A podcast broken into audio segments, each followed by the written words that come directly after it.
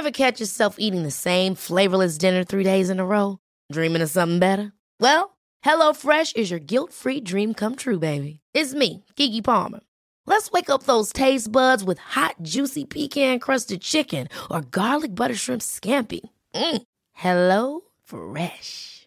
Stop dreaming of all the delicious possibilities and dig in at HelloFresh.com. Let's get this dinner party started. Many of us have those stubborn pounds that seem impossible to lose, no matter how good we eat or how hard we work out. My solution is PlushCare. PlushCare is a leading telehealth provider with doctors who are there for you day and night to partner with you in your weight loss journey. They can prescribe FDA-approved weight loss medications like Wagovi and Zepbound for those who qualify. Plus, they accept most insurance plans. To get started, visit plushcare.com slash weight loss. That's plushcare.com slash weight loss.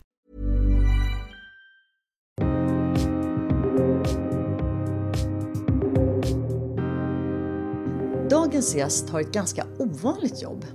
Operaagent. Och hur jobbar då en operaagent? Och hur digital är operavärlden? Och hur funkar det att göra en audition digitalt? Varmt välkommen Maria Dalaiman till Jag är modig. Tack så mycket Pia! Roligt att få vara här tycker jag.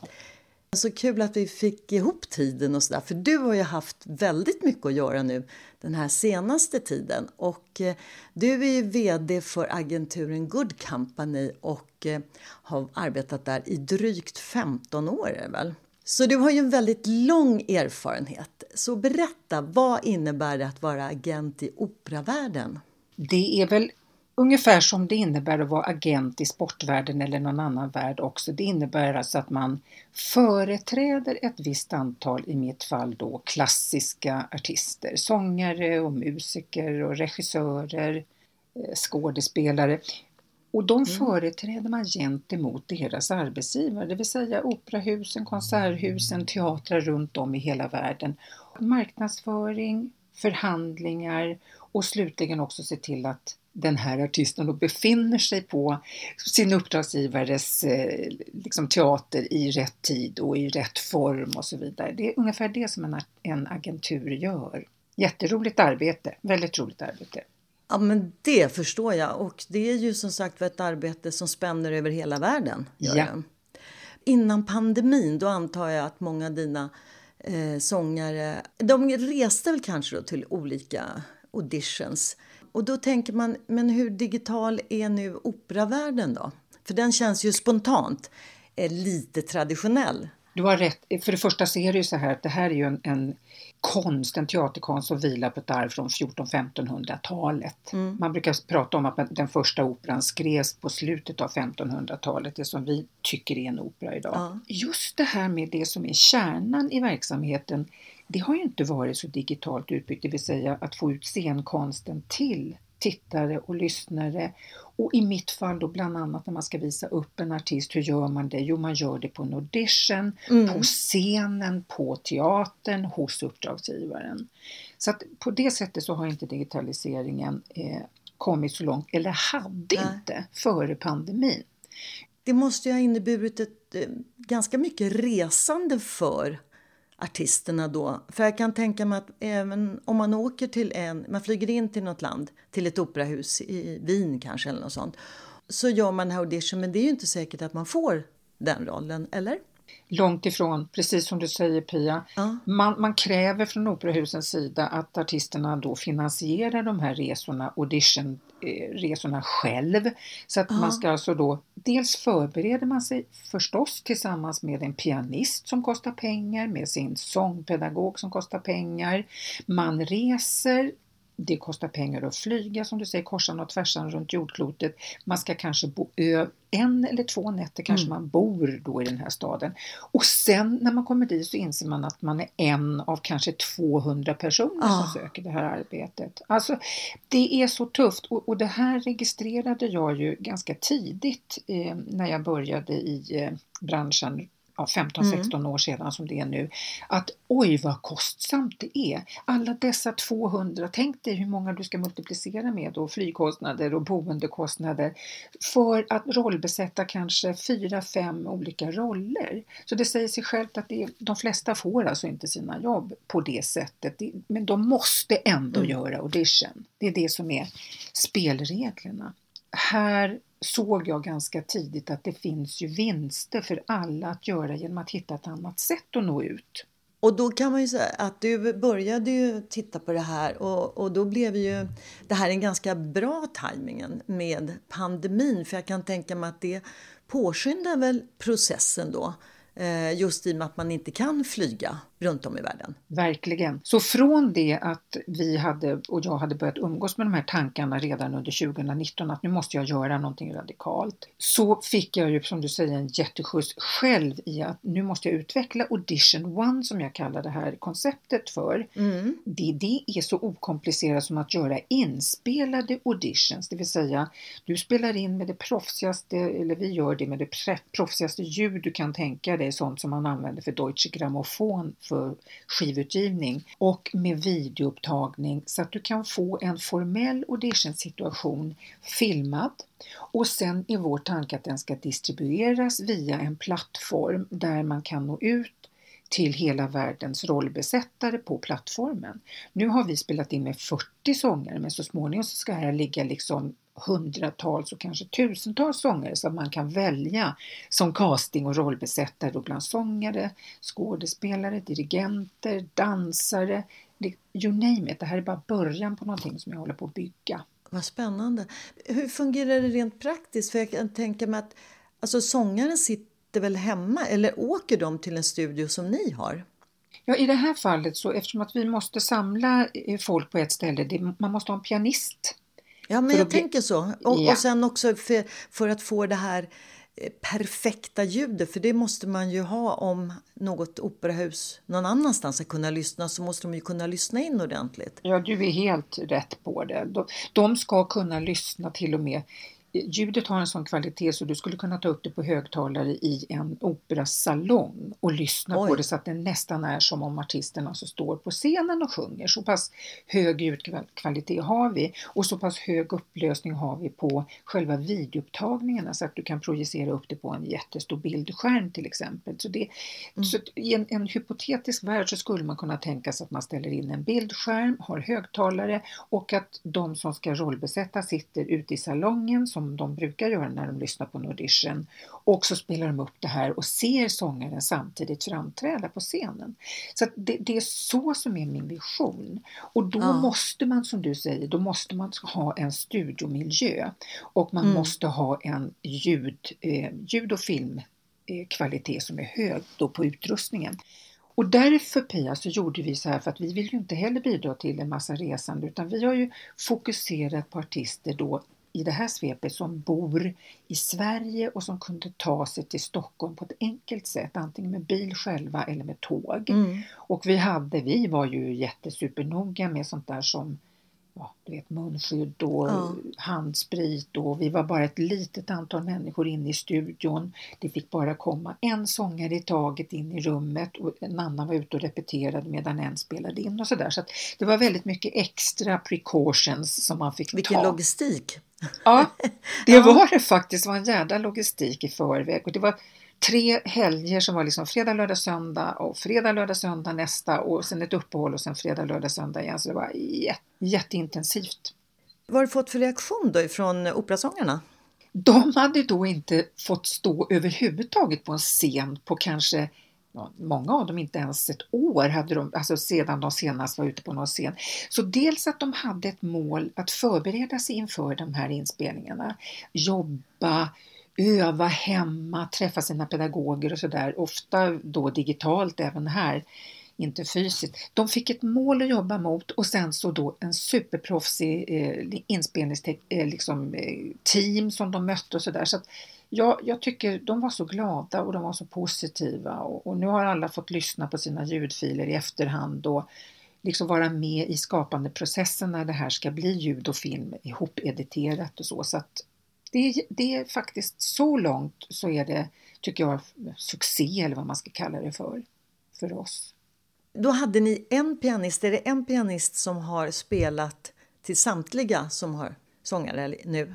Vi hade två pianister i det här fallet och en eh, kvinna som är specialiserad på barockmusik, hon hade till och med en lutenist med sig. Oj. Honom tog vi ju med i bilden, annars så har vi inte bild på pianisten utan fokuset är ju på sångaren. Men den här lutenisten, var, det var så fantastiskt samspel mellan de här två så att de tog vi med båda i bild. Alltså varje sångare hade med sig åtminstone två operaarior eller arior av, av, av, någon kompositör och då ska pianisten lära sig de här till fulländning. Så det var väldigt mycket för en pianist att göra. Så det, det tar ju lite tid också att sjunga en aria, men det är ju inte bara några minuter. Nej, det är inte det. De längsta arierna, de kan ju vara liksom, de kan ju vara 5, 6, 7, 8 minuter. Wagners kompositioner till ja. exempel, de är ju ganska långa till en Mozart-aria som kanske ja. är de här slager tre minuterna ungefär. Och sen ska det göras omtag och ja. det ska göras omtag igen.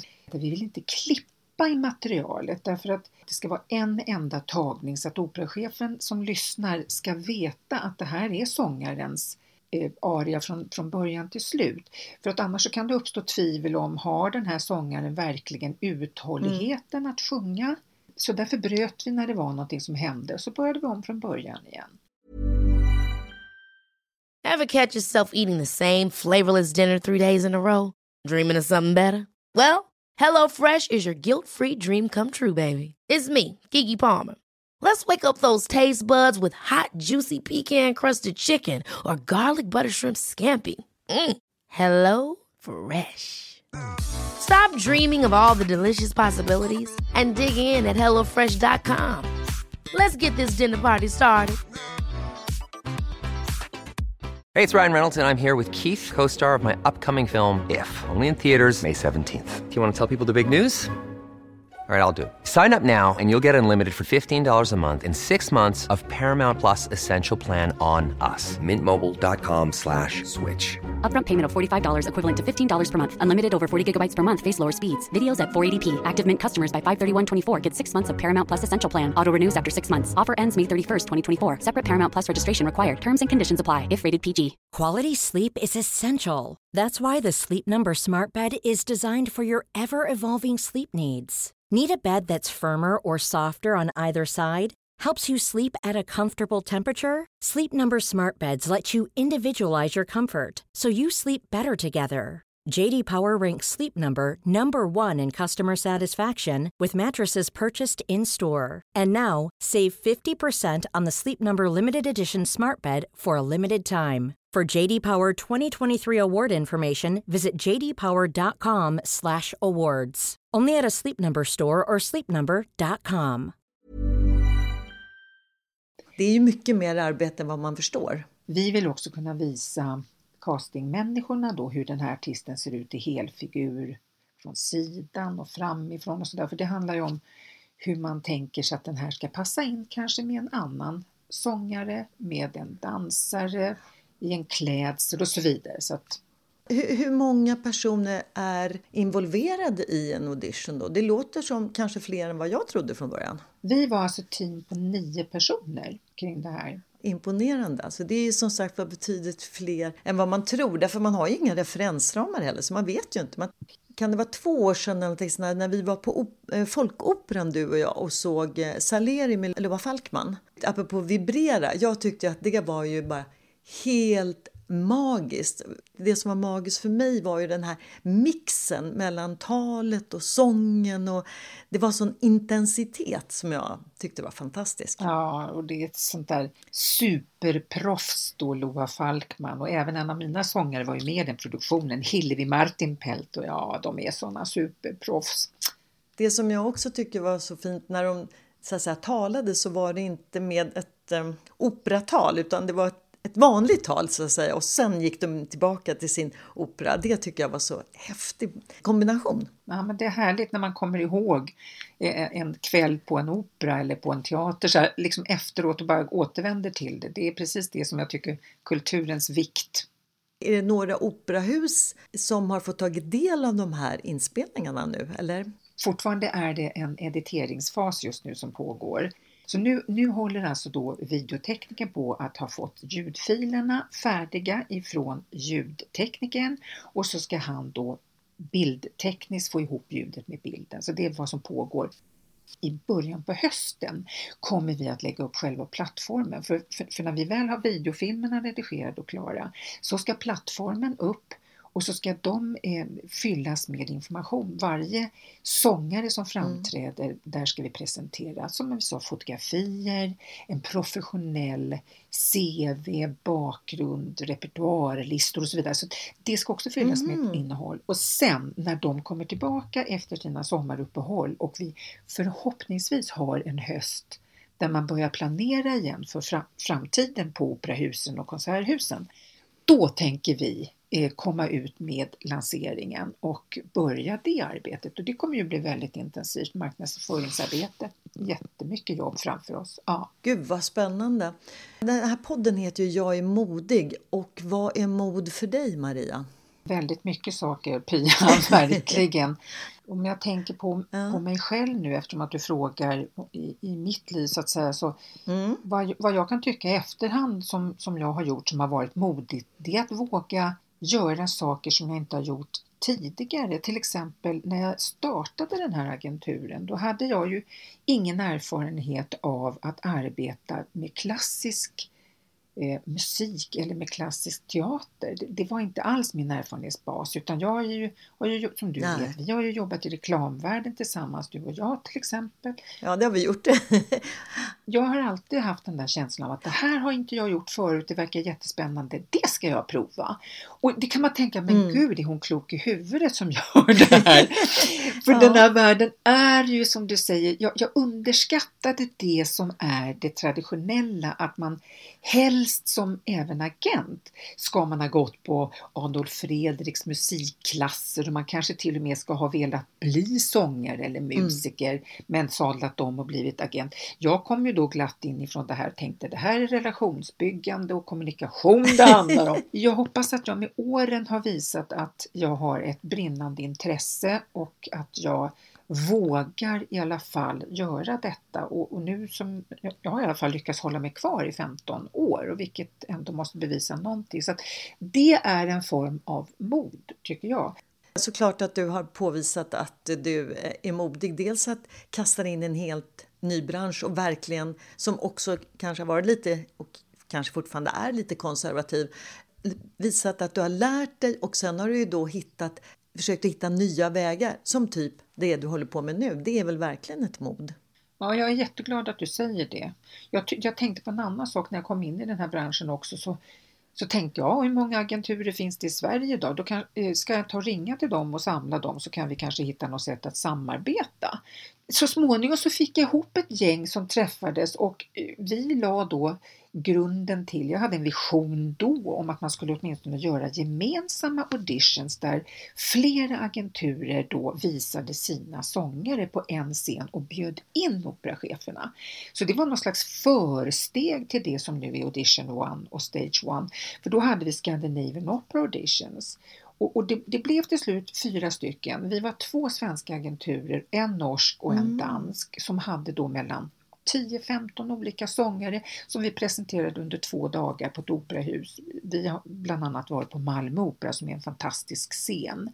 Och så bjöd vi in operacheferna för min tanke var redan då, varför ska sångarna mm. behöva resa och kosta på sig pengar och inte veta om de får jobbet? Det är bättre att Uppdragsgivarna får resa, för de har det genom sina jobb i alla fall och det är deras så att säga, tjänstebeskrivning att hålla reda på sångare. Så att vi fick då en 40-50, det var lite olika olika år, casting, alltså operachefer då i, i det här fallet, castingmänniskor att komma till en scen under två dagar och lyssna på våra sångare. Det var ju då lite banbrytande kan jag tänka mig. Jag tror att det var lite banbrytande. Och du har ju också lyckats få bidrag från Kulturrådet för att genomföra den här, eller genomföra en förstudie då för er digitala tjänst. Vad innebär det och när ska förstudien vara klar? Att man själv tror på sin idé är ju en sak, men att det finns människor utanför den egna sfären som tror på det och på oss, det, det var helt fantastiskt och vi är så tacksamma för Kulturrådets stöd. Ja. Och det innebär att vad de, vi beskrev ju den här idén som vi hade att få ut fler genom digital teknik. Och eh, då såg de förstås att svenska sångare, i, i, det är deras liksom prioritet förstås, svenska sångare ska kunna nå ut i världen på ett bättre sätt. Och vi gör de här sakerna som vi gör nu för att samla det som brukar heta proof of concept, att vi ska bevisa att det, vår idé stämmer från A till Ö, det vill säga slutet är ju att någon ska vilja beställa eller boka eller vad man ska kalla det, en artist. Och det ska vara klart, alltså vårt proof of concept, och redovisas mm. i december i år. Så att vi har, förstudien löper liksom under 2021 nu. Den är väl väldigt hoppfull antar jag? Va? Ja, varje steg vi tar dokumenterar vi så att vi ska kunna plocka in det sen i en rapport till Kulturrådet och för vårt eget lärande förstås. Visionen förstås är ju att det här ska växa och bli väldigt stort.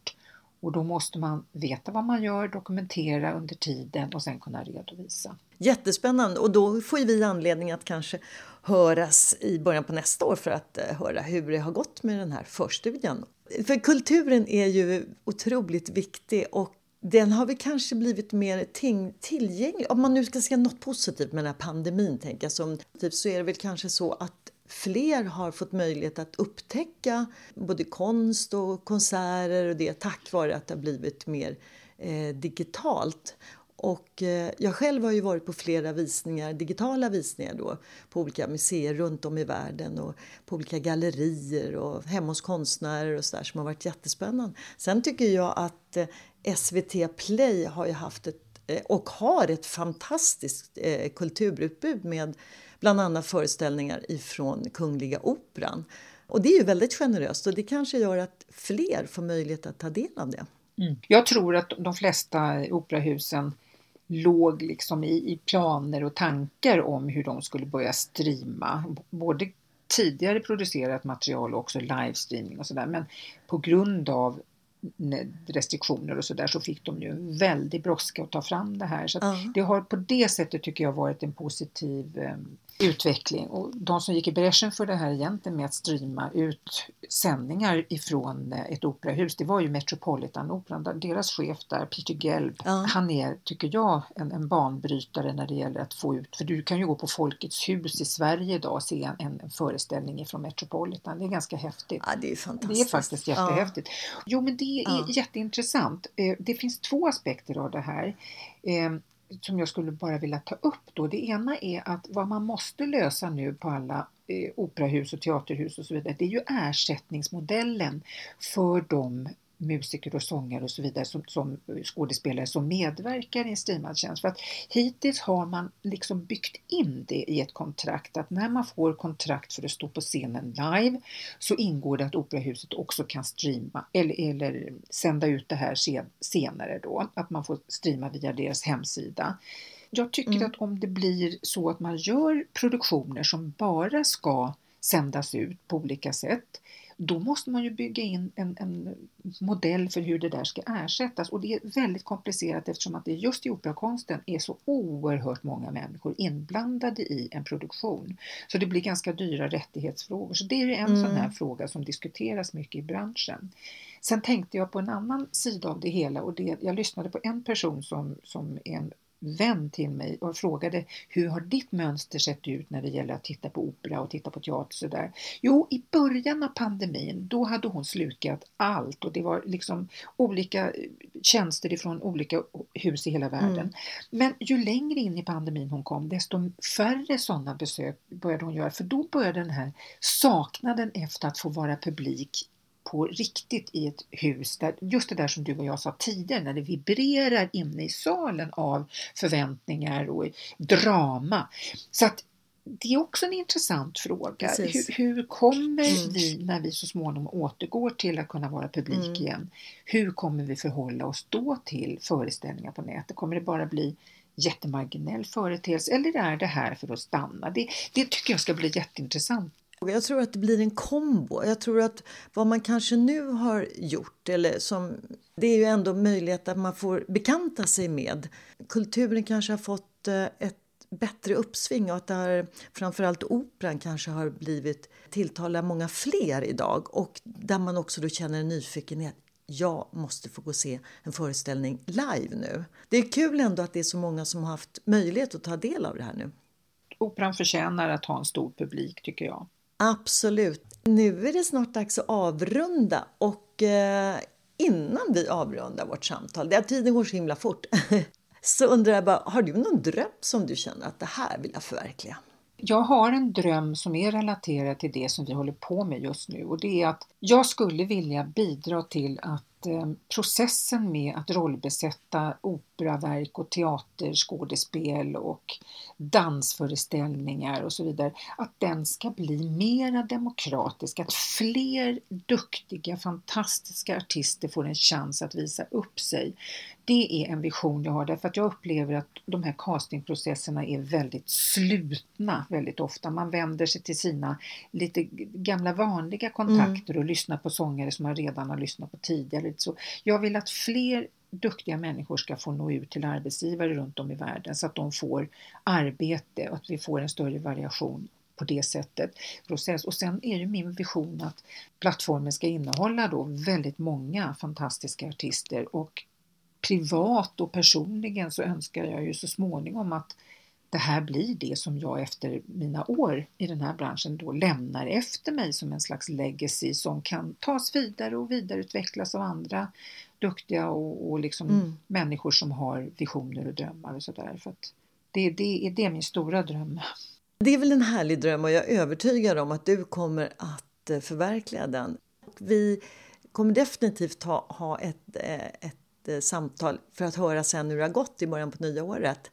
Ja, kul! Så att jag tänker så här, om det är någon eh, som kanske går på Operaskolan eller någon som är, ska börja eller bara allmänt nyfiken och vill få kontakt med dig, var hittar man dig då? goodcompany.se eh, och annars så kan man bara mejla till maria at goodcompany. Eh. Med det säger jag bara varmt lycka till Maria och vi hörs igen. Tack snälla för att du tog dig tid att ställa upp. Tack så mycket Pia för ett jättetrevligt genomfört samtal. Tack! Och med det så vill jag bara säga att eh, prenumerera gärna på Jag är modig för då missar du inget av våra inspirerande samtal. Och eh, naturligtvis följ oss på Instagram också.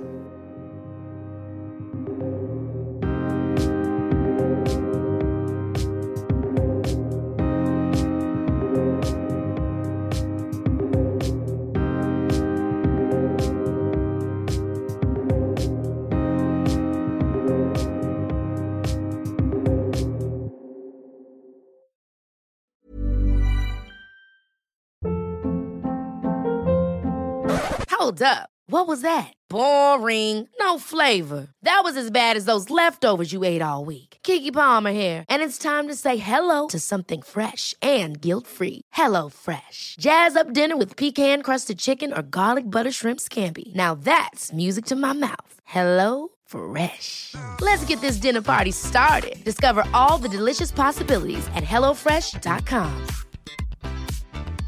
Hey, it's Paige DeSorbo from Giggly Squad. High quality fashion without the price tag. Say hello to Quince.